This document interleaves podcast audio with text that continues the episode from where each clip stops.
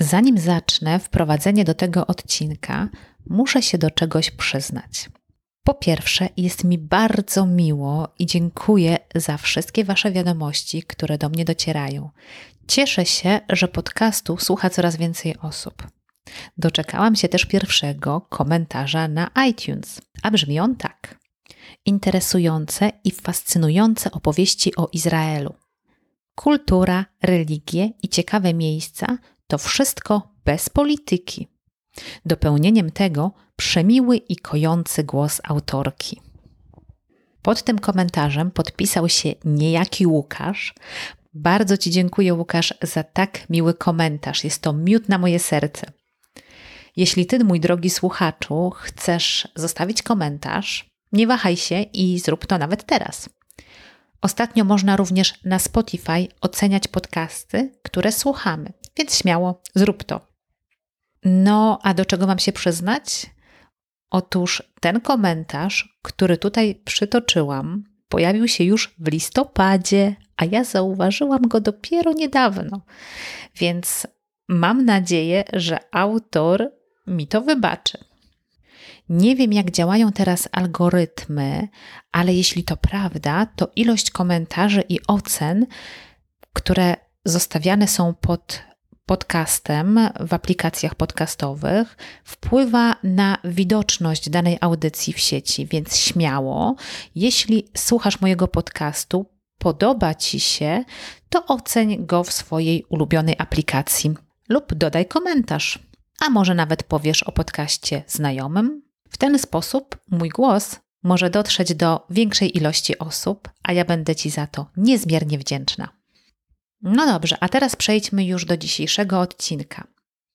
Mój gość nie jest typowym turystą, a jego pierwsze spotkanie z Izraelem zaowocowało niezwykłą pasją.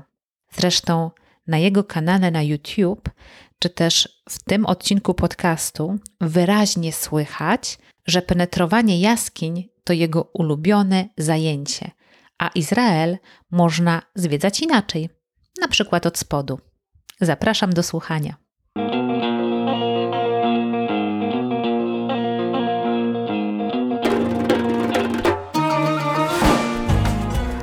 Cześć, nazywam się Justyna Zeruk, a to jest podcast po Izraelu.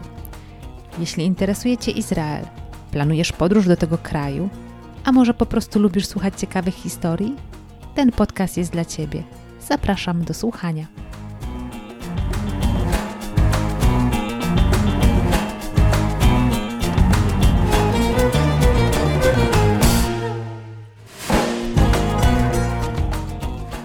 Podcast po Izraelu, odcinek 33. Witam serdecznie w kolejnym odcinku podcastu po Izraelu. Moim dzisiejszym gościem jest Piotr Kawiak-Jones, autor bloga www.penetrujedziury.pl i kanału na YouTubie Kawiak Jones oraz organizator wyjazdów penetracyjnych. Witam cię serdecznie w moim podcaście. Cześć. Bardzo mi miło, bardzo się cieszę, że udało nam się umówić na tę rozmowę. I pierwsze pytanie, które zadaję swoim gościom, to jest to pytanie, które właśnie zadam Tobie, czyli pierwsze spotkanie z Izraelem. Kiedy to było? Jak to spotkanie wyglądało? I co z tego spotkania pamiętasz? Y, moje pierwsze spotkanie z Izraelem odbyło się, no, odbyło się w Berlinie, tak naprawdę gdyż wtedy to poznałem osobę. Szukałem kogoś, kto po prostu pomoże mi w montowaniu filmów i to była osoba, która montuje sama filmy i stwierdziła, że wpadnie do mnie pogadać, zobaczyć co ja tam robię. No i zaczęliśmy rozmawiać i się okazało, że to jest Druz z wzgórz Golan. Mieszka przy samej granicy w Majal Shams. No i zakolegowaliśmy się i zaprosił mnie do Izraela. W momencie, w którym już mieliśmy zabukowany jakiś termin, jakieś loty i plan, miałem powiedzmy trzy dni wolne do zagospodarowania samemu przez siebie. E, no i wtedy na międzynarodowej grupie jaskiniowców, że tak powiem, e, na Facebooku dałem ogłoszenie, że będę w Izraelu, no i że szukam kogoś, kto by w razie czego mógłby mnie gdzieś tam oprowadzić. No i odezwał się do mnie pewien Izraelczyk, Moran. Po pięciu minutach rozmowy zadzwonił do mnie, no i zaczęliśmy rozmawiać dwie godziny, jak nic, jak na pierwszą rozmowę, bez przerwy, to naprawdę no, siadła nam ta znajomość. E, no i z nim zorganizowałem sobie te trzy dni, byliśmy w kilku jaskiniach w Izraelu. No i się tak zaczęło. Bardzo mi się to wszystko, co tam jest, spodobało i no i pojechałem do Izraela jeszcze dwa albo trzy razy poza tym. Dobrze, a w którym roku to było? 2017 tudzież 18. I to był główny cel, tak? Ta penetracja jaskiń, czy... E, na początku nie, na początku nie, bo to jest też ciekawe, że ja nie chodziłem po jaskiniach, zanim byłem w Izraelu. Ja w Izraelu zobaczyłem swoją pierwszą jaskinię w życiu i była to jaskinia Fasuta w okolicy miejscowości o tej samej nazwie. No i tam wtedy poczułem te podziemne motylki, no i wtedy się zaczęło. Wtedy zacząłem chodzić po jaskiniach w Polsce, no i w innych krajach. No a wcześniej chodziłem po bunkrach i po jakichś opuszczonych kopalniach, sztolniach i tak dalej. Jaskinie jakby cały czas zostawały gdzieś tam z boku, a dopiero w Izraelu te jaskinie no naprawdę mi siadły i od tamtej pory się, że tak powiem, wszystko jaskiniowo zaczęło. Mhm. Czyli to zainteresowanie dopiero speleologią, można powiedzieć, rozpoczęło się w Izraelu. A czy ty masz jakieś wykształcenie w tym temacie, czy to po prostu takie zainteresowanie? Nie, to jest zainteresowanie, hobby coś, co w sumie mógłbym robić do końca życia, nawet gdyby mi za to nie płacili i cały czas nie płacą, albo nawet gdyby to było, gdyby to było zakazane. No nie, myślę, że można to nawet nazwać jakąś pasją, bo od zawsze mnie interesowały jakieś podziemne tematy. Pamiętam za dzieciaka jeszcze chodziło się po kanałach burzowych pod moim miastem, pod Zieloną Górą, skąd pochodzę. No później założyłem firmę i akurat nie było na to czasu, ale jak się tylko historie z firmą skończyły, to od razu, od razu wróciłem do do podziemnych tematów. No i tak jak mówię, bunkry, sztolnie, no a później się pojawił Izrael, a zaraz za nim wszystkie jaskinie, czyli jakby nowy etap w moim życiu. Wykształcenia żadnego pod tym względem nie mam, niestety. Gdybym, nie wiem, może pojechał do Izraela 10 lat wcześniej, to też poszedłbym na jakieś bardziej korzystne studia, które by mnie interesowały, a nie tylko poszedłem po to, żeby pójść. Co teraz niestety nadrabiam. Cały czas czytam jakieś książki, staram się edukować i rozwijać w tym temacie. Mhm. No tutaj wyjaśnia mi się odpowiedź na kolejne pytanie, dlaczego Izrael, tak? No bo tam zaczęła się twoja przygoda z jaskiniami. Znaczy to też tak, e, dlaczego Izrael? Z tymi izraelskimi jaskiniami, to ja jadąc do Izraela też nie do końca planowałem te jaskinie. Ten wyjazd miał być po to, żeby zobaczyć sobie cały ten teren wzgórz Golan. Przy okazji się doedukowałem, jeżeli chodzi o wojnę sześciodniową, wojnę Jom Kippur i całą tą sytuację, żeby to wszystko tam zrozumieć. I głównym celem tego wyjazdu było odwiedzenie Majal Shams, no i zobaczenie troszeczkę Izraela, bo to Majal Shams jednak było głównym celem. Na no te jaskinie tak weszły tak niby z boku, a później się jednak okazało, że to po jaskinie będę do Izraela wracał, a nie do Majal Shams. Gdzie tam również wróciłem, nie? Mhm, dobra, no to zanim zaczniemy temat tych Twoich podróży typowo jaskiniowych, to powiedz może jeszcze coś na temat tego kolegi Druza, który pochodził z Izraela. Wobec takiej znajomości miałeś możliwość poznać tamtejszą społeczność druzyjską? W pewnej części tak, oczywiście to były bariery językowe i bariery też kulturowe na przykład, też no ja sobie to troszeczkę inaczej wyobrażałem, e, on też nie miał tyle czasu, ile ja myślałem, że on będzie miał, także poznałem tą społeczność, poznałem ich gościnność, poznałem ich kuchnię, oj tak, tę kuchnię, ile ja humusów wtedy zjadłem, to to się po prostu w głowie nie mieści. Ich wszystkie słodycze. No na tyle, na ile mogłem tą społeczność poznałem. Nie interesowałem się jakoś tak, jakoś jakby bardziej, w sensie, że chciałem zwiedzać jakieś ważne miejsca dla druzów, czy, czy coś takiego. Bardziej mnie te opuszczone forty interesowały, czy opuszczone czołgi, czy zniszczone miasteczka. Natomiast no, poznałem tą społeczność druzyjską, wiem jaka jest różnica pomiędzy druzami, że tak powiem, z Gola, na druzami z Galilei. Dużo się na ten temat, na ten temat dowiedziałem, ale jakoś tak specjalnie tej społeczności, specjalnie tej społeczności nie poznawałem. Ich religijnych zasad również. Wiem też, że są nazywani Amiszami Bliskiego Wschodu. Tak mi to też kolega przedstawił. Mhm, to też ciekawe doświadczenie. Jak najbardziej, zwłaszcza, że no, to był ten okres, kiedy ja tam byłem, kiedy państwo islamskie w Syrii naprawdę mocno szalało i ja tam byłem w okresie, w którym e, no, jakieś tam wioski zaraz po drugiej stronie płotu, muru, nie wiem jak to określić, e, no zostały, przynajmniej wedle tego, co mi kolega opowiadał, przez to państwo islamskie napadnięte i to też było takie no, ciekawe przeżycie. No mama też miała swoją porcję stresu, że ja tam w ogóle jadę, także... No tak. Dobrze, czyli nawiązałeś ten kontakt, wracając właśnie do tematu jaskiń, nawiązałeś ten kontakt poprzez Facebooka z grupą tamtejszych speleologów.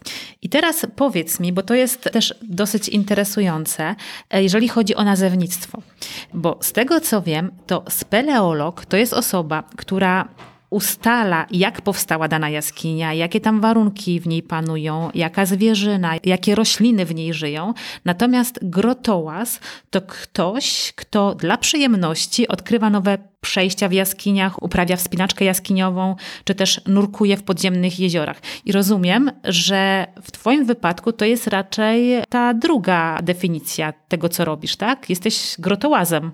Znaczy tych definicji jest nawet więcej, bo jest jeszcze taternictwo i taternictwo jaskiniowe, przynajmniej w Polsce i speleologia to jest badanie jaskiń, to znaczy to są osoby, które no jakby nie określałem jak powstały te jaskinie, chociaż to również może być ich zadaniem, ale które się tam udają jakby w profesjonalnych celach, pobranie jakichś próbek, zrobienie jakichś badań, czy coś w tym stylu. Grotołazi, oni z kolei no każdy też wie, bo na kursach przygotowawczych z grotołażenia no też są informacje o tym, jak powstają jaskinie, e, jaka jest tam fauna, jaka jest tam flora, jak tego wszystkiego nie uszkodzić, nie zniszczyć. Też mają na ten temat informacje, natomiast oni to też nie jest tak, że oni odkrywają nowe przejścia, bo większość przejść jest odkryta. Jak już ktoś chodzi po jaskiniach, to no to w zależności od osobistych preferencji, ale jest coś takiego, że co jakiś czas trzeba tam wrócić, nawet do jaskiń, w których już się było. I są osoby, które były po 50-70 razy w tej samej jaskini i też są grotołazami, mimo że, no powiedzmy, na dwóch przejazdach odkryli jakieś tam nowe ciągi czy coś, a reszta to było takie, że po prostu przechodzili jakąś tam trasę, którą lubią, którą znają, albo którą postawili sobie za cel, czy to był wyczyn sportowy, powiedzmy, że chcieli to zrobić jak najszybciej, czy jakiś inny rodzaj wyczynu, kiedy to chcieli zrobić, nie wiem, w ciągu iluś tam dni czy coś, no to właśnie w ten sposób to wygląda. Ja o siebie bym nawet nie do końca jeszcze określił grotołazem, gdyż całego kursu jaskiniowego jeszcze nie skończyłem. To dopiero czeka mnie w przyszłym roku, bo dopiero wtedy sytuacja mi na to pozwoliła. E, ja o sobie mówię raczej, że jestem penetratorem, bo ja, ja naprawdę wchodzę w ciasne miejsca i Duża część grotołazów woli na przykład duże studnie, zjazdy na linach, wielkie sale i tak dalej. Ja to też lubię, aczkolwiek też się cieszę, jak jest naprawdę ciasno i i no i nie przeszkadza mi przebywanie w naprawdę ciasnych pomieszczeniach, także znalazłem dla siebie takie określenie, które określa tylko mnie. Tak, to na Twoich filmach bardzo dobrze widać, że Ty lubisz przeciskać się przez te wszystkie korytarze i jaskinie. Ja bardzo zachęcam wszystkich słuchaczy, żeby sobie weszli na Twój kanał i zobaczyli, jak to wygląda. Jeżeli ktoś ma klaustrofobię, to może niekoniecznie. Nie, to jak najbardziej, to jak najbardziej, bo wtedy będzie miał takie emocje przy oglądaniu filmów, jakich mu nie da żaden inny film. To jest akurat ciekawe. Tak, to na pewno, to na pewno. Dobrze, wróćmy do tematu jaskiń i czy ty masz doświadczenie, jeżeli chodzi o jaskinie w Polsce? Czy jesteś w stanie porównać te jaskinie w Polsce z jaskiniami w Izraelu? Znaczy pod względem jakby powstawania i skał, to tutaj nie będę się może za bardzo wypowiadał, bo no, tak samo jak i w Polsce, jak i w Izraelu są różne jaskinie. Natomiast jakby rola tych jaskiń w społeczeństwie w Polsce, a rola jaskiń w społeczeństwie w Izraelu, na Ziemi Świętej, no jest diametralnie różna i wydaje mi się, że jest 100 razy bardziej ciekawa. U nas jaskinie to były wrota do piekieł, miejsca, gdzie mieszka diabeł, gdzie ludzie bali się wchodzić i nie wchodzili. No bo u nas w jaskiniach jest zimno, mokro, ciemno, no ale ciemno jest wszędzie w jaskiniach. No i nie były to miejsca zachęcające ludzi do tego, żeby się tym w ogóle interesowali, a że byli zabobony i tak dalej, no to, no to nie, nie wchodzili tam, bo się bali, poza jakimiś pojedynczymi przypadkami, jakie gdzieś tam się w historii zachowały. Natomiast w Izraelu wygląda to zupełnie inaczej, jeszcze tylko wrócę może do Polski. W Polsce to też wygląda tak, że jeżeli był jakiś najazd na nasze ziemię w Polsce, w całej Europie, no to ludność okoliczna uciekała do lasów, no bo tych lasów była cała masa, były to jakieś puszcze dziewicze niemalże, no i tam nikomu się ich nie chciało szukać, oni się potrafili tam tak schować, że nikt by im nie pomógł. Natomiast w Izraelu wyglądało to zupełnie inaczej, gdyż te jaskinie były z nimi od samego początku i podziemia. Chociażby z tego względu, że w Izraelu nie ma lasów, tak jak mi było mówione, że jak się zgubiłeś w lesie w Izraelu, to wystarczy wstać z kolan i obejrzeć się dookoła. No w Izraelu nie ma lasów, więc ta ludność nie za bardzo miała gdzie uciekać uciekać, więc musieli uciekać gdzieś pod ziemię, w związku z czym też powstało wiele podziemnych systemów. Jednym z ich zadań jakby było to, żeby po prostu ukryć ludzi w przypadku tego, kiedy na powierzchni dzieje się coś, w czym oni niekoniecznie chcieliby brać udział. No a drugą rzeczą jest też pogoda, czyli w Izraelu te jaskinie są chłodniejsze niż otoczenie, natomiast znacznie cieplejsze niż w Polsce. Tam jest wtedy 25 stopni, jedzenie się tak szybko nie psuje, da się tam jakoś chodzić i funkcjonować. W związku z czym wydrążenie takich obiektów podziemnych, bo to też nie były wszystkie, że jaskinie zostały zrobione naturalnie. Dużo jaskiń, zwłaszcza na tym płaskowyżu Beszgówrin, zostało wykutych ręcznie, nie wiem, pewnie nawet patykiem, bo ta skała jest taka, ta skała, kreda jest taka mięciutka no to one po prostu służyły również jako miejsca ucieczkowe i służyły również jako miejsca, gdzie, gdzie można było mieszkać.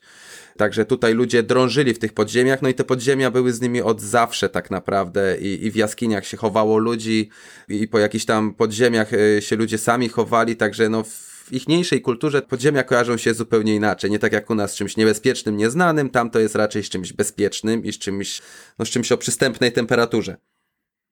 Mhm. Tak, zgadza się. Natomiast ja sobie przypomniałam taki e, moment z polskiej historii na temat Władysława Łokietko. Pamiętasz? Grota Łokietka w Parku Ojcowskim? No właśnie, on też uciekając schował się w e, jaskini, tak? W grocie. A to tego nie znałem. To wiedziałem, że e, jest taka grota, ale nie wiedziałem, że on się tam schował. Myślałem bardziej, że odwiedzał albo coś ten deseń. Nie, gdzieś tam uciekał. Nie pamiętam dokładnie, ale pamiętam właśnie taki fragment, że on uciekał, no i schował się właśnie w jaskini. Ale to mniejsza z tym. E, wspomniałeś o Beit Guvrim, czyli takim parku narodowym, który leży w części południowej Izraela. Powiedz o Beit Guvrim, na czym polegała ta misja? No bo to mm, wyglądało na taką dosyć profesjonalną misję z tego, co widziałam na Twoim kanale.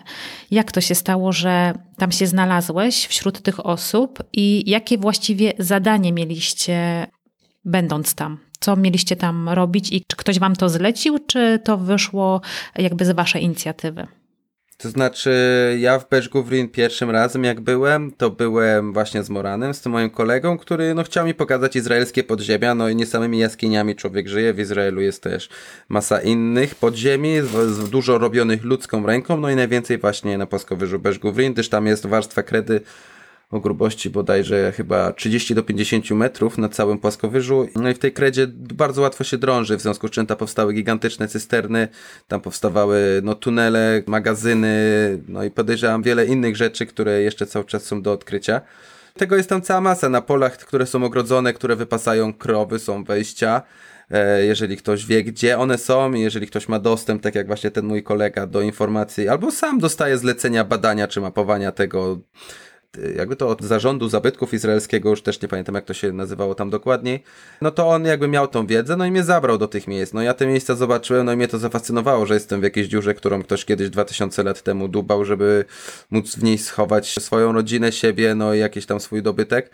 No i to było bardzo, bardzo ciekawa rzecz, no zwłaszcza, że no tak jak mówiłem, lubię podziemia i, i, i zawsze marzyłem o tym, żeby móc sobie coś takiego samego zbudować, a tutaj się okazuje, że tutaj są całe wioski pod ziemią pochowane tak naprawdę, po których na powierzchni nie pozostał już nawet ślad, a, a pod ziemią są po prostu, no może nie kilometry, ale setki metrów tuneli i no tysiące metrów sześciennych pustych powierzchni, które i tak to, co teraz tam widać na tych moich filmach są zasypane no, w ponad połowie, moim zdaniem, w czasach swojej świetności, kiedy, kiedy to było używane, no to tych pomieszczeń było tam no, znacznie, znacznie więcej. No ale przez te 2000 lat erozji, sypania się, zamieci i tak dalej, piaskowych, to po prostu tego się tam dużo nasypało, no i, no i nie wszystko jest teraz dostępne. No dobra, a jeżeli ja bym sobie tak pojechała z całym sprzętem i tak dalej, czy mogłabym sobie tak od wejść, czy jednak musiałabym e, takie pozwolenie otrzymać? On mówił, że nie wymagane jest pozwolenie do, do wchodzenia w takie rzeczy, zwłaszcza, że no widać, że to są rzeczy natrafiliśmy na wiele śladów rabusi grobowych, więc no oni też pozwolenia nie potrzebowali. Nic mi nie wiadomo na temat tej sytuacji, jakby czy trzeba byłoby mieć do tego pozwolenie. Tutaj jakby zdawałem się na tego swojego kolegę, który powiedział mi, że don't worry, it's going to be alright. Także wydaje mi się, że nie potrzeba mieć takiego pozwolenia. No oczywiście na tą oficjalną część trzeba sobie wykupić bilet, co też polecam, bo jest też ciekawa, no i, i wytłumaczone, tam jest też o wiele więcej, bo tam gdzie ja wchodziłem, no to tam nie było żadnych tabliczek ani nic, trzeba się było po prostu domyślać albo i nie. Jeżeli ty byś pojechała, to wydaje mi się, jakbyś wiedziała, gdzie wejść, to byś sobie po prostu weszła. No bo to są, wiesz, wszystko ogólnodostępne miejsca na tym ich stepie, że tak powiem. Ciekawe. No dobrze, wspomniałeś o tych rabusiach grobowych. Komu oni sprzedają te rzeczy? Za granicą. Za granicę wszystko jedzie na aukcję do Stanów. Na przykład kolega mi podał jakiś przypadku, że jakaś moneta znaleziona w Izraelu w Stanach poszła parę miesięcy później za jakieś tam grube miliony.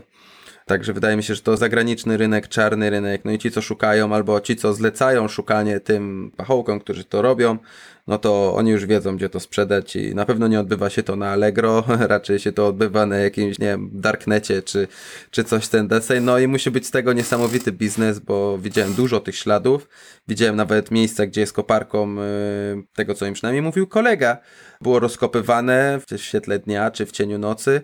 No naprawdę na dużą skalę, dużo narzędzi też tam widziałem, no i nie ma co się dziwić, no bo tam leży tego cała masa. Ci ludzie rozwijali te systemy podziemne przez, ojej, dobrze pamiętam, to ponad tysiąc lat, to jest chyba 50 pokoleń. Oni mieli naprawdę dość czasu na to, żeby się nauczyć, jak to budować, jak to zrobić dobrze i szybko, no ale przede wszystkim, jak to dobrze ukryć tyle czasu tego, kiedy oni mogli zbierać to doświadczenie, no, skutkuje chociażby tym, że ja osobiście uważam, że, że tam tych podziemi jest o wiele, wiele więcej. Zwłaszcza, że miąższość tej warstwy, miękkiej kredy, to tam dochodzi miejscami do chyba nawet 100 metrów. I jeżeli my byliśmy na głębokości 2 czy 3 metrów, no to tam w dół można drążyć dokładnie tak samo, jak się drążyło tutaj, tylko kawałek więcej trzeba wyciągać do góry, co, co oczywiście się zbiera, jest większym wysiłkiem, no ale jest to też możliwe. Także no, moim zdaniem tych podziemi tam jest naprawdę jeszcze cała, cała masa. No dobrze, a wy coś znaleźliście w trakcie tego kopania, tak? Znaczy my nie kopaliśmy. W trakcie tego zwiedzania, nie kopania. No na pewno nie zwiedzaliśmy, bo tutaj też się dowiedziałem, że jakby mnie ktoś złapał w takim miejscu, nawet z łopatą, to już bym był rabusiem grobowym, w związku z czym na pewno nic nie kopaliśmy, nic nie wykopywaliśmy z tych rzeczy. Chodzenie z wykrywaczem też z tego co wiem jest zakazane. Jeżeli chodzi o te systemy na Beż Guvrin, no to po jakąś, wiesz, jakimiś kawałkami skorupek z garnków czy coś, no to, to nie znaleźliśmy nic. W jednym tunelu byliśmy, widzieliśmy, prawdopodobnie był wąż, ale to tylko kolega widział, ja na filmie tego jakoś nie widzę, także to jest też kwestia, kwestia sporna, ale jak byłem koło miejscowości Karmel bodajże, w jednej z jaskiń, która była używana przez, tam gdzieś jest jakaś miejscowość, jest Akka, Wiesz co, ten cały łańcuch gór Karmel jest tutaj od Hajfy. On wrzyna się tak jakby w tą zatokę.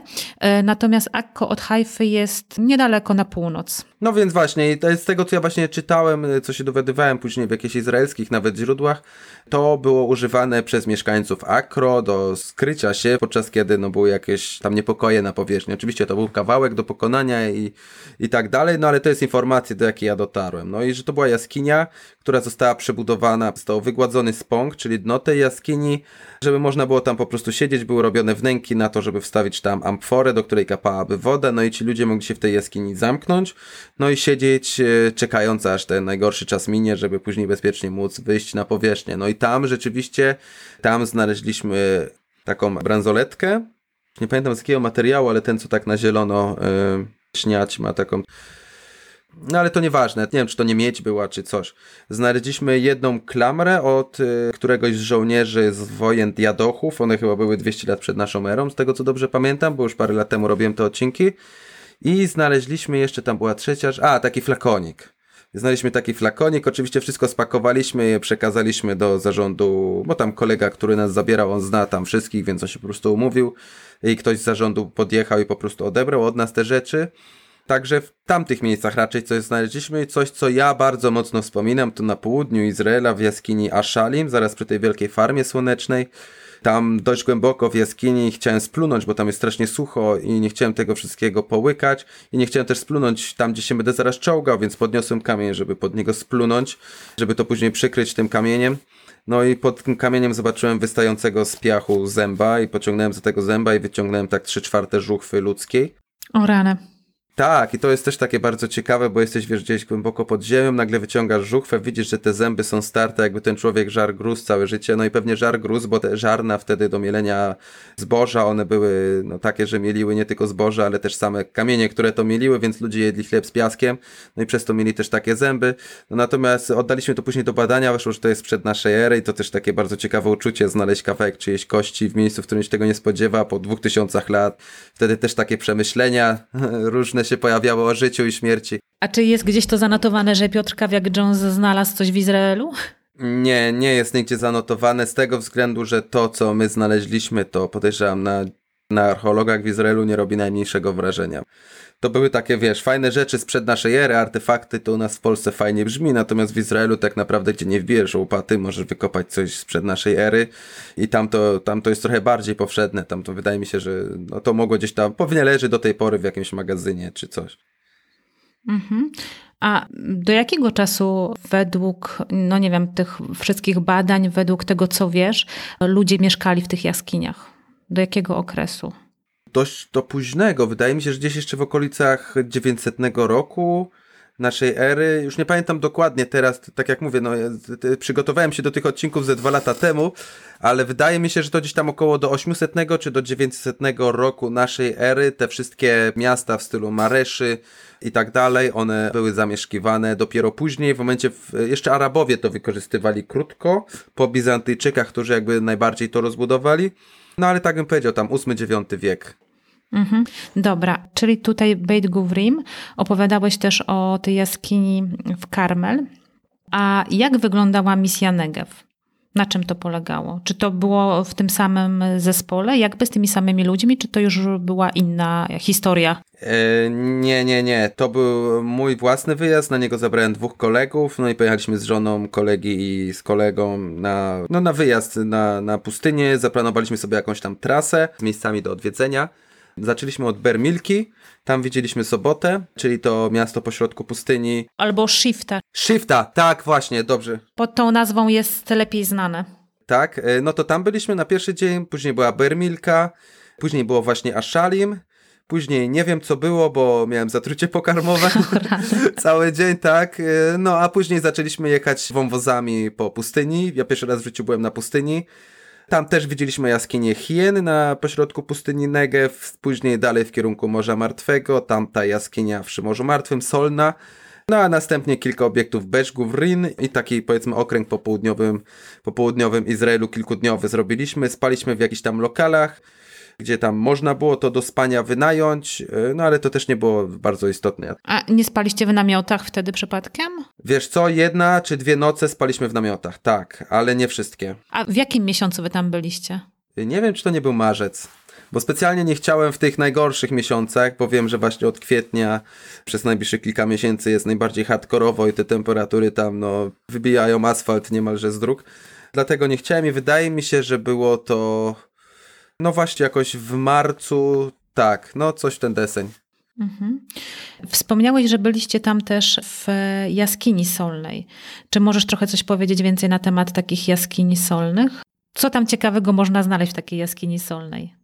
To, co można znaleźć ciekawego w jaskini solnej, nie różni się od tego, czego można zobaczyć ciekawego w jakiejś innej jaskini, w zależności kto czego szuka.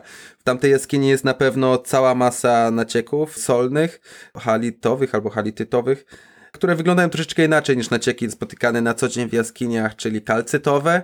One są o wiele bardziej białe, można je też liznąć i zobaczyć jak bardzo słone i gorzkie są. Czasami dochodzi też do mineralizacji i się tworzą na ścianach takie sześciany właśnie z halitu, kryształy, co też jest bardzo fajne. Jeżeli ktoś nie zdążył tych kryształów jeszcze odrąbać, no to, to jest co podziwiać. Wiem, bo jak byłem w tej jaskini drugi czy trzeci raz, to pewnych rzeczy, które widziałem już nie widziałem niestety. Co poza tym, no to poza tym widać fajnie odkładające się warstwy tej soli, przegryzione jakby od czasu do czasu jakimś mułem, który był tam narzucany. To jest oczywiście otworzenie tych procesów geologicznych, czyli pojawiała się woda, e, woda wysychała, zostawiała sól, później był jakiś piach, przychodził na to, później znowu przychodziła woda i tak w kółko przez miliony lat, aż powstały całe te, te góry znajdujące się na zachód od Morza Martwego. Już nazwy, nazwy sobie tych gór teraz nie przypomnę, w każdym razie one są w całości zbudowane z soli co jest też ciekawe. No i w tej jaskini jest też bardzo, ale to bardzo zdrowy klimat. To jest tak jak przebywanie w grocie solnej. Działa antybakteryjnie, oczyszcza płuca, fajnie się tam oddycha. No jest też fajna wentylacja, bo z jednej strony jest szyb, a z drugiej wejście, więc to się wszystko ładnie wentyluje. No i miejsce jest na pewno bardzo ciekawe i bardzo fajne. No polecam każdemu, polecam każdemu. No dobra, wiesz co, bo to jest nad Morzem Martwym, więc tam generalnie jest specyficzny mikroklimat. Natomiast e, z tego, co widziałam na tym twoim filmie, nie wiem, być może tam jest więcej tych jaskiń solnych. Jest, ja byłem w jednej, która ma tam chyba niecały kilometr długości, natomiast tam całkiem niedaleko znajduje się najdłuższa jaskinia solna na świecie, Malham Cave. I byłeś w tej najdłuższej? Na... Nie, nie, nie, nie, nie, tam już trzeba na poważnie wchodzić, no. Co to znaczy na poważnie? To znaczy, prawdopodobnie trzeba mieć jakieś pozwolenie od jakiegoś klubu albo od jakiegoś zarządu, który się tym zajmuje, gdyż ta, której ja byłem, to jest jaskinia Colonel Cave. Ona też jest zaznaczona i ona się znajduje przy samej drodze i to jest proste, proste wejście. Natomiast Malheim Cave to jest jaskinia, która ma no kilkadziesiąt kilometrów długości i tak nie chcę się wierzyć, że może tam wejść każdy, kto by tylko chciał. No dobra, mówisz proste wejście, tak, do której wchodziłeś, ale to może dla ciebie jest proste wejście, bo ty się tam wczołgiwałeś, prawda? Tak. No właśnie. Znaczy z, jed, z, z, jednym razem się wczołgiwałem i wyczołgiwałem, a za drugim razem wszedłem na szczyt góry, zjechałem 100 metrów w dół na linię i wyszedłem wyczołgowując się. Natomiast to wejście z wczołgiwaniem jest, no to jest po prostu płasko, no i... No tak, no tylko widzisz, to jest pojęcie normalności. Dla ciebie to jest normalne, wejście do jaskini w ten sposób. Wiesz, dla mnie wejście do jaskini jest normalne na nogach, tak jak do jaskini raj. No to ja, ja wtedy myślę, co, jakie jaskini jestem, jak ja tu muszę na nogach wchodzić, nie muszę nawet schylić czoła. Czy to jest możliwe dla takich osób jak ja, które no, nie są pasjonatami czołgania się, zjeżdżania na linach, ale czy jest możliwe wejście właśnie do takiej jaskini jakoś na nogach? Może nie do tej, do której się wczołgiwałeś, ale czy do tej drugiej czy trzeciej, które tam się znajdują? Czy takie osoby jak ja mogłyby tam wejść, czy jednak muszą liczyć się z tym, że trzeba założyć kask i żeby skorzystać z tego specyficznego mikroklimatu w tej jaskini solnej, poddychać tym powietrzem e, ogarniętym solą, to muszą się właśnie wczołgać? Czy, czy nie ma innego, innego sposobu? Znaczy, no wczołgać się trzeba, no i w czołganiu nie widzę nic złego, ani też nic strasznego. Jakby nie było, to była pierwsza forma poruszania, jaką każdy z nas, czy ty, czy ja, czy ktoś, kto nas teraz słucha, się nauczył. W związku z czym, no nie jest to też daleko. Pytałeś o kask, no to kask zawsze trzeba mieć pod ziemią, no bo większość wypadków pod ziemią, no jeżeli dochodzi do nich, to dochodzi do nich, bo ktoś na przykład nie miał kasku, bo dzisiaj właśnie nagrywałem odcinek na temat takich rzeczy. Także kask to tak czy siak. Natomiast czy ktoś z zewnątrz? Oczywiście, że tak. Ja no w Izraelu na miejscu nie jestem, natomiast mam tam jednego znajomego innego niż ten Moran, kolega się nazywa Szlomi, no i on regularnie organizuje wyjścia do tej jaskini, można się z nim tam wybrać, czy do jakiejkolwiek innej jaskini. Są też inne firmy, które się zajmują oprowadzaniem ludzi po jaskiniach, takich ludzi naprawdę z ulicy, których oni dopiero przygotowywują, ubierają ich w odpowiedni sprzęt, no czyli w większości przypadków kask, czołówka, jakieś tam rękawiczki, ewentualnie ochraniacze na kolana, jak firma jest dobra. No i wtedy oni mają przewodników wykształconych pod tym względem, no i zabierają takich ludzi. No dobra, a teraz ty, jak tam wchodziłeś, czy nie miałeś nigdy takiego poczucia, y, nie wiem, takiej myśli, że nagle może ci się to zawalić wszystko na głowę?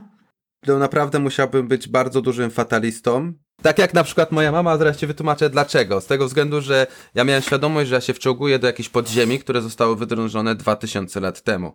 I przez te 2000 lat nad tymi podziemiami padał deszcz, były zawieje, ludzie chodzili, może nawet jeździły samochody, czy chodziły krowy i tak dalej. No jeżeli to się w ciągu tych 2000 lat nie zawaliło, i nie przedstawia teraz żadnych takich, no bo to się też wchodzi się do jaskini się patrzy, czy leżą świeże kamienia, to, to jak ktoś chodzi, to widzi, czy kamienie są świeże, czy nie, czy są jakieś spękania na, e, na ociosach, czy na, czy na stropie w miejscu, w jakim tam jesteśmy. No takie rzeczy się generalnie uważa, ale no do zawaleń w jaskiniach generalnie dochodzi, no bardzo rzadko, dochodzi powiedziałem często, ale w geologicznej skali czasu, ale nie w ludzkiej skali czasu. Natomiast jeżeli chodzi o te obiekty z kredy czy coś, to Wiesz co, no jakbyś tam ze mną była, to też byś się nie bała, a ja powiem ci czemu, bo, no bo widzisz materiał tej kredy, widzisz, że to jest twardy, zbity materiał, który się nawet nie kruszy. Wyobraź sobie, że tam po dwóch tysiącach lat na ociosach i na stropie są jeszcze ślady dłuta tej osoby, która to dłubała, także jeżeli nawet te ślady dłuta przez te osoby, które tam chodziły, jak tego używały, się nie starły, ani nie odpadły, ani nie popękały, nie zanikły w jakiś sposób, no to w jaki sposób miałoby się to tam zawalić? Tam naprawdę musieli na tym jakiś wielki wieżowiec postawić, no i wtedy może by to po prostu szczeliło. Jasne, natomiast ja tutaj miałam na myśli i tak z tyłu głowy raczej taką sytuację jak trzęsienie ziemi, które czasami może tam wystąpić, szczególnie w rejonie, gdzie jest ten rów syroafrykański, a no to jest e, teren Izraela i te trzęsienia w ziemi w przeszłości miały miejsce, więc e, jak sobie pomyślę, że ja w takim momencie jestem w takiej jaskini, to ja dziękuję, No ale to tak samo jak mnie ludzie pytają, co jak jesteś w ciasnym miejscu i złapie cię skurcz. No mnie nie łapią często skurcze i prawdopodobieństwo, że mnie złapie akurat w tamtym momencie jest no dość niskie. Tak samo jak prawdopodobieństwo oczywiście istnieje, że będąc pod ziemią będziesz miała trzęsienie ziemi i, i coś tam się zacznie dziać. Natomiast no to zobacz ile w ciągu ostatnich 2000 lat było tych trzęsień. I zobacz ile, znaczy z mojej perspektywy przynajmniej, ile tych rzeczy tam spadło na dół. No, no nic nie spadło. Tam cały czas jest strop w takiej samej formie, w jakiej był 2000 tysiące lat temu, tylko spąk, czyli dno sztolni się po prostu podniosło, bo zostało zasypane, naniosła tam woda jakichś, jakichś materiałów i tak dalej. E, natomiast jeżeli chodzi o jaskinie, no to w jaskiniach są ślady, w tej pierwszej, w której byłem w jaskini Fasuta, tam są ślady trzęsień ziemi, które są po prostu spękanymi stalaktytami, bo stalaktyty same z siebie nie pękają, chyba że coś się do tego zmusi, no i najczęściej są to właśnie trzęsienia ziemi. No i tam też e, było widać, kiedy, kiedy to mniej więcej się wydarzyło po grubości stalaktytów przyznam ci szczerze, że no, interesuję się trochę wypadkami pod ziemią z racji tego, czym ja się zajmuję. I nie znam żadnego wypadku takiego, że ktoś jest pod ziemią w momencie, w którym jest trzęsienie ziemi i że coś mu się stało. A wydaje mi się, że to jest tak medialny i chwytliwy temat, że gdyby gdziekolwiek coś takiego się wydarzyło, to od razu by byłoby to gdzieś mocno, mocno nagłośnione. No a nie było, więc wydaje mi się, że no to prawdopodobieństwo naprawdę jest bardzo niskie. Jasne.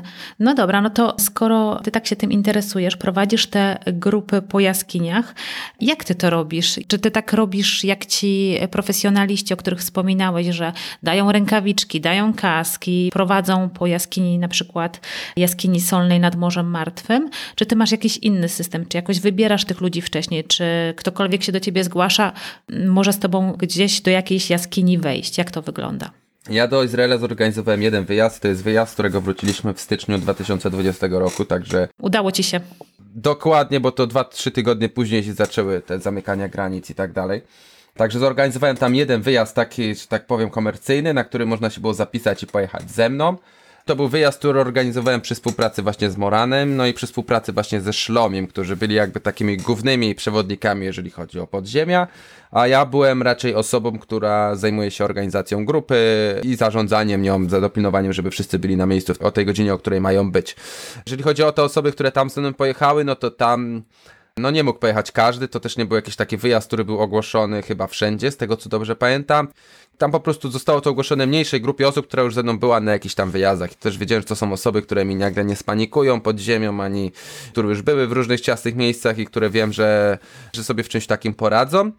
No i te umiejętności plus umiejętności Morana, plus to, co ja tym ludziom pokazywałem, nam wystarczyło na tamte wyjazdy do Izraela. Jeżeli chodzi o wyjazdy do Polski, no to tutaj już jest naprawdę różnie, bo to zależy, czy to jest wyjazd do jakichś, nie wiem, mniejszych jaskiń gdzieś na Jurze.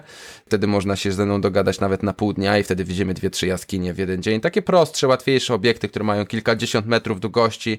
Tamta osoba może po prostu zobaczyć, jak to w ogóle wygląda, jak się czuje, jak się zachowuje w wcześniejszym miejscu, czy sprawia jej to frajdę, a spoiler alert bardzo często sprawia. I tak to wygląda. Są jeszcze bunkry, gdzie oprowadzam i no i czasami zabieram ludzi w góry Sowie.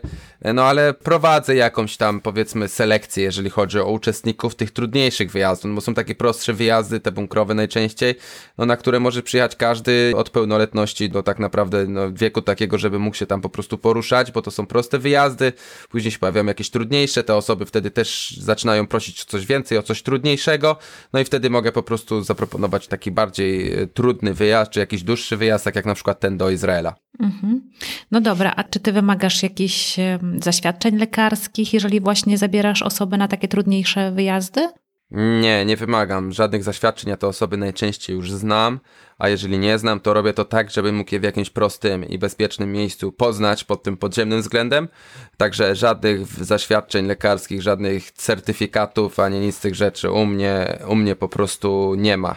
To dajmy, dajmy taki przykład. Zgłasza się do ciebie człowiek przez internet, którego nie widziałeś, nie znasz i chce z tobą jechać na jakiś e, trudniejszy wyjazd. To jeżeli ktoś chce, no to ma w takim wypadku dwie możliwości. Albo się ze mną dogaduje na jeden dzień albo pół dnia no, indywidualnego wyjazdu, gdzie ja najpierw zabieram do jakiejś prostszej jaskini, a później do jaskini, która jest troszeczkę trudniejsza, aczkolwiek to też nie jest obiekt skali tatrzańskiej, że tam jest 40 km pod ziemi, gdzie idzie się 5 godzin pod górę z ciężkim plecakiem do jaskini czy coś, tylko bardziej zabieram do jakiegoś wcześniejszego obiektu.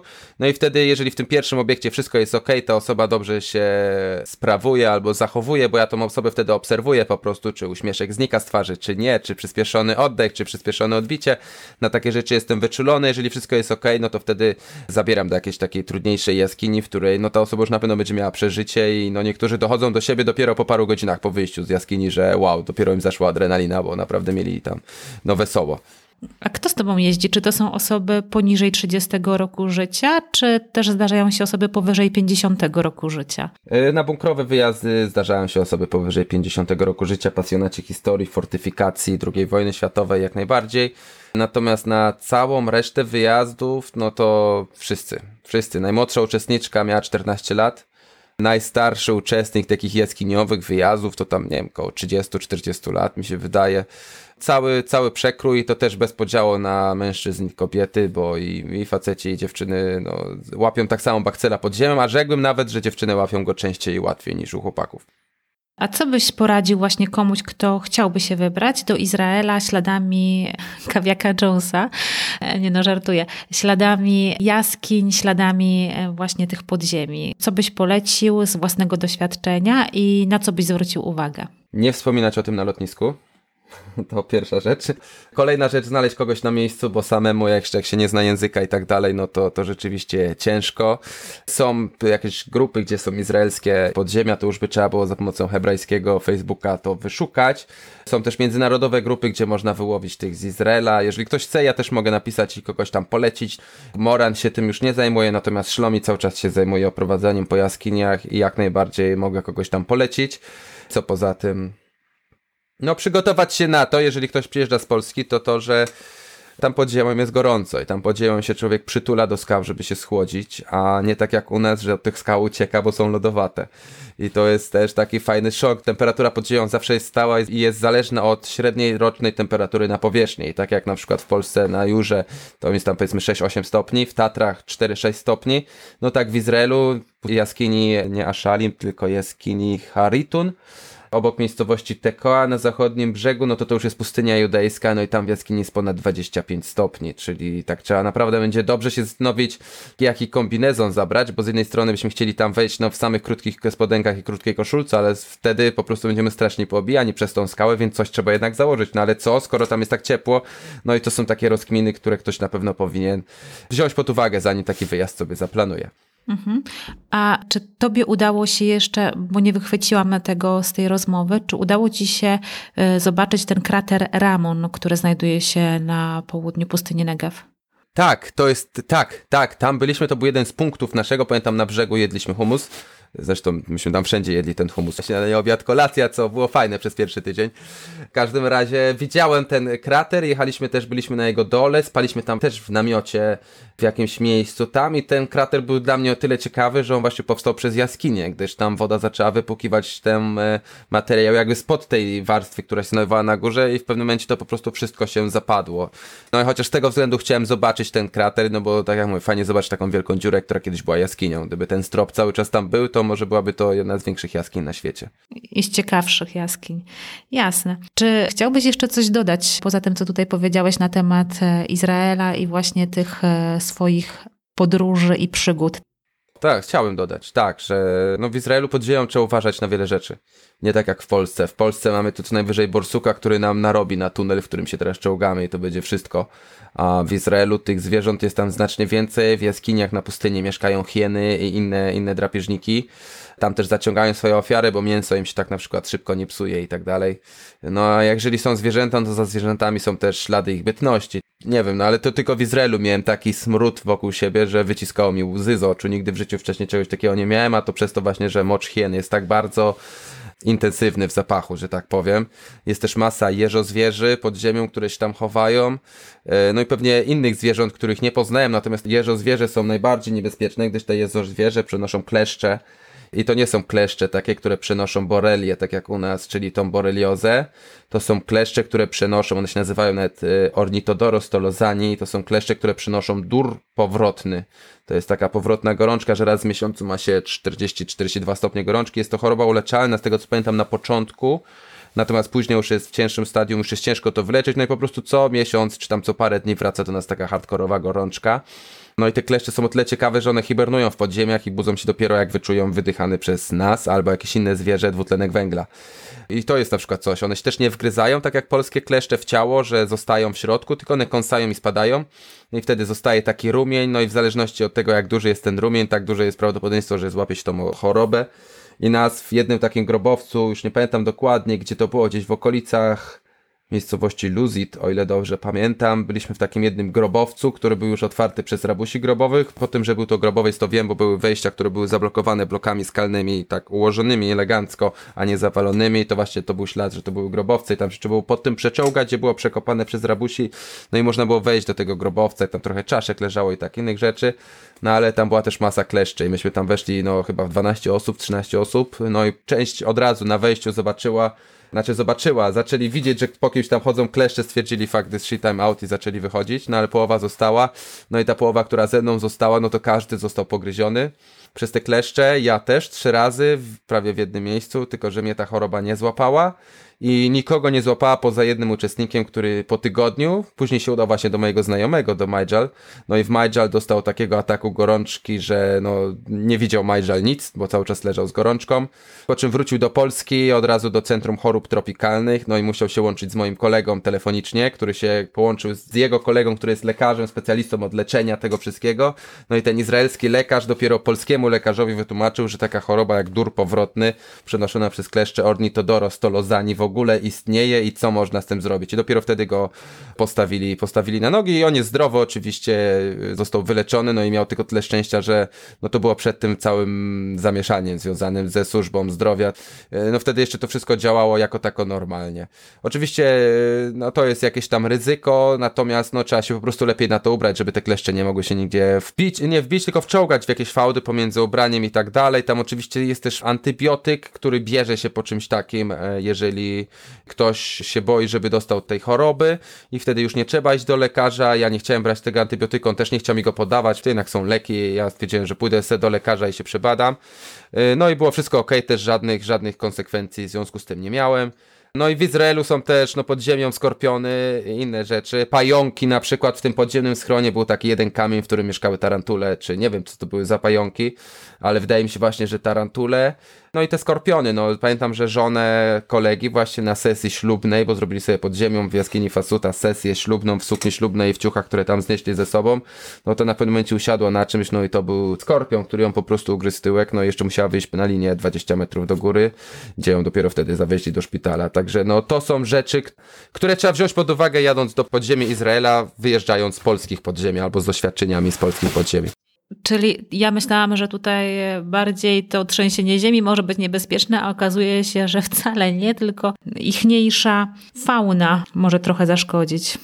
Flora też, bo te kaktusy to czasami potrafią kąsać. Dobrze, super. Bardzo Ci dziękuję za to, że podzieliłeś się swoim doświadczeniem Izraela, bo to jednak trochę inne doświadczenia, doświadczenie takie podziemne niż typowo. No, Izrael od spodu. Tak, dokładnie. Izrael podziemny, Izrael od spodu. Ja naprawdę nie wiedziałem dużo na powierzchni. Tam jakieś Jerozolimy czy coś, to przejeżdżałem i jedna restauracja na humus, a tak to z powrotem gdzieś do jakiejś dziury czy coś. No ale wiesz, że w samej Jerozolimie też masz podziemne trasy? Wiem i chcieliśmy się tam dostać, bo tam są tak duże podziemia. Znaczy, nie mówię o tych podziemnych trasach, trasach, tylko o, o, jaskiniach. Tam są tak duże jaskinie, tylko właśnie już schodziliśmy do tej jaskini. Nie przypomnę sobie teraz nazwy, pamiętam bardziej nawet lokalizację tej jaskini to jest taka studnia w środku, na terenie zabudowanym, wokół znajdują się jakieś magazyny i tak dalej. No i mieliśmy tam zjeżdżać, już zakładaliśmy stanowiska i tak dalej, bo to jest bardzo duża jaskinia, tak duża, że robią się w niej nawet chmury tak jak mi to powiedział kolega, co mnie strasznie podjerało i właśnie chciałem tam zjechać, ale to była taka sytuacja, że myśmy tam zaczęli zakładać stanowiska i nagle gdzieś tam całkiem niedaleko nas, nie tak, że słyszeliśmy, ale było to w mediach mówione, w jakiejś takiej jednej firmie właśnie izraelsko-palestyńskiej, gdzie to miała być ta współpraca razem, żeby to przez pracę łączyć i tak dalej. Doszło do jakiejś tam strzelaniny i zostało no, wiele osób zaszczelonych i była obława na tego człowieka, który to zrobił. No i w związku z czym no, ten mój kolega stwierdził, że to nie jest dobry moment na to, żeby tutaj zostawać i no i chcieliśmy jak najszybciej wyjechać z zachodniego brzegu. Także no z tych podziemi Jerozolimy nie zobaczyłem dużo, ale stałem już u ich progu i tylko no czynniki zewnętrzne wpłynęły na to, że, że tego nie zobaczyliśmy. Jasne, jasne. Dobra, to bardzo Ci dziękuję. Gdyby ktoś chciał z Tobą wyjechać i, i penetrować wszelkie jaskinie, czy to na terenie Polski, czy ty prowadzisz jeszcze na terenie chyba Niemiec, prawda? Yy, ale to w Niemczech nie do jaskini, tylko do takiego obiektu, który do, w pewnym sensie jest taki przygotowywawczy do jaskiń, bo to jest podziemny bunkier do produkcji gazów bojowych na 400 pomieszczeń, gdzie są kilometry tuneli wentylacyjnych w każdej ścianie i stropie. Tam, jak ktoś by chciał zobaczyć, czy w ogóle jak się czuje w bezpiecznych, ciasnych i ciemnych miejscach, to tam właśnie zapraszam, bo no to jest beton, to jest niemiecki przedwojenny beton, także to będzie stało jeszcze naprawdę nie zawali się. Tak, tam nie ma co się zawalić, wszystkie ściany i krawędzie są równiutkie, nie ma się też nic co zahaczyć i to jest takie miejsce, w którym no wielu ludzi zaczyna swoją przygodę, no, w pewnym sensie z jaskiniami, ale ja na to raczej mówię dziury, bo nie, nie ograniczam się tylko do jaskiń, tak jak już mówiłem. No ja zapraszam wszystkich właśnie na twój kanał na YouTubie, żeby zobaczyć jak to wygląda i jeżeli ktoś będzie miał ochotę i jest zainteresowany, to w notatkach do tego odcinka będzie oczywiście link do twojej strony. Serdecznie ci dziękuję, ogromnie ci dziękuję za tą rozmowę rozmowę. No i życzę e, kolejnych ciekawych odkryć. Bardzo dziękuję. Dziękuję za wysłuchanie tego odcinka. Mam nadzieję, że dowiedziałeś się czegoś nowego. A może sam marzysz lub planujesz odwiedzić na przykład jaskinie solne w Izraelu? Koniecznie mi o tym napisz, no i oczywiście zostaw opinię czy komentarz w aplikacjach iTunes lub Spotify, jeśli uważasz, że ten podcast jest wartościowy. Na dzisiaj to tyle. Dziękuję za Twoją uwagę, pozdrawiam serdecznie i do usłyszenia wkrótce.